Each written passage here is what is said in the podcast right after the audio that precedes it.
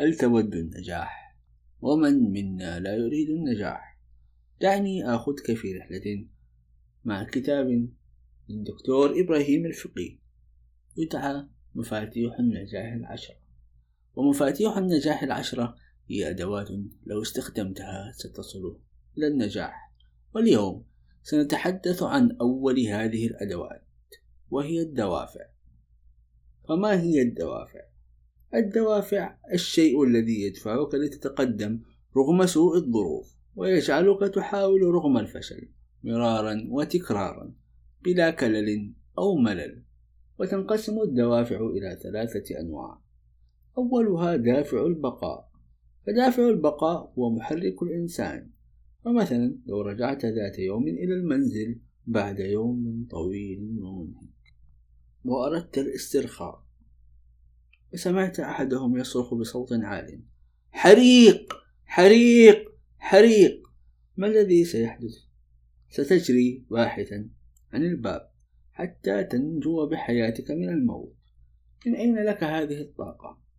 عندما تكون حياتنا مهددة بالخطر يعلو لدينا دافع البقاء لإنقاذ أنفسنا. والدافع الثاني وهو الدوافع الخارجية.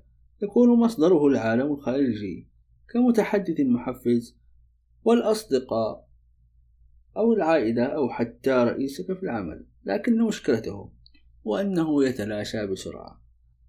فالإنسان يعتمد اعتمادا كبيرا على الدوافع الخارجية حتى يشعر بالرضا ونحن دوما نحب أن نكون مقدرين ونريد دوما أن ينظر إلينا نظرة احترام حتى نشعر بقيمة أنفسنا.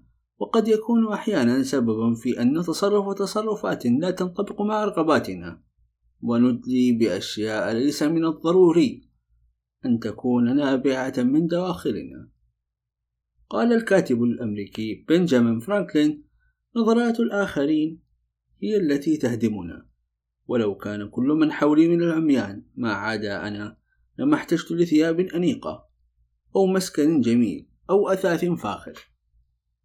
يقول الكاتب أن معظم شركات التأمين حول العالم تقدم جائزة سنوية للمندوب الذي يحصل على أعلى نسبة مبيعات. فالمندوب الذي تصل حجم مبيعاته إلى 2000 دولار في الأسبوع تصل مبيعاته في هذه المسابقة إلى ثلاثة آلاف دولار. أي أنه يقوم بضعف المجهود للحصول على الجائزة ولكن بعد انتهاء المسابقة تقل مبيعاته إلى النصف.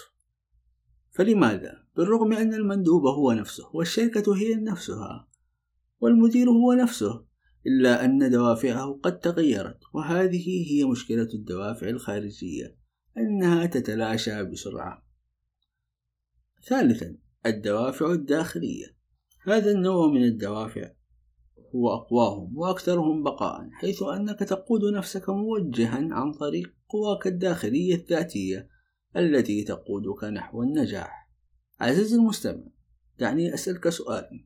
لو أنك أردت التدريب في إحدى النوادي الصحية واتفقت مع أحد أصدقائك حتى تذهبوا معا ورغم اتفاقكم في آخر لحظة تغيب صديقك. فهل ستذهب إلى النادي وحيدا أم ستقول أنك ستلقي التدريب إلى وقت آخر؟ دوافعك الداخلية هي التي ستقول لك إنك إذا تدربت سيكون جسدك جميلا.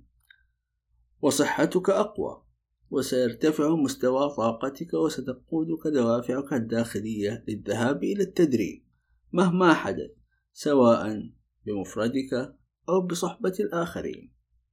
عزيزي المستمع الدوافع الداخلية هي السبب في أن يقوم الشخص العادي بعمل أشياء أعلى من المستوى العادي ويصل إلى نتائج عظيمة. وكما قال رالف والدو ما يوجد أمامنا وما يوجد خلفنا. يعتبر ضئيلا جدا إذا قارناه بما يوجد بداخلنا. هكذا أعزائي المستمعين تنتهي رحلتنا مع الدوافع. وقريبا سوف نذهب إلى المفتاح الثاني من مفاتيح النجاح وهو الطاقة. إلى ذلك الحين. إلى اللقاء. thank you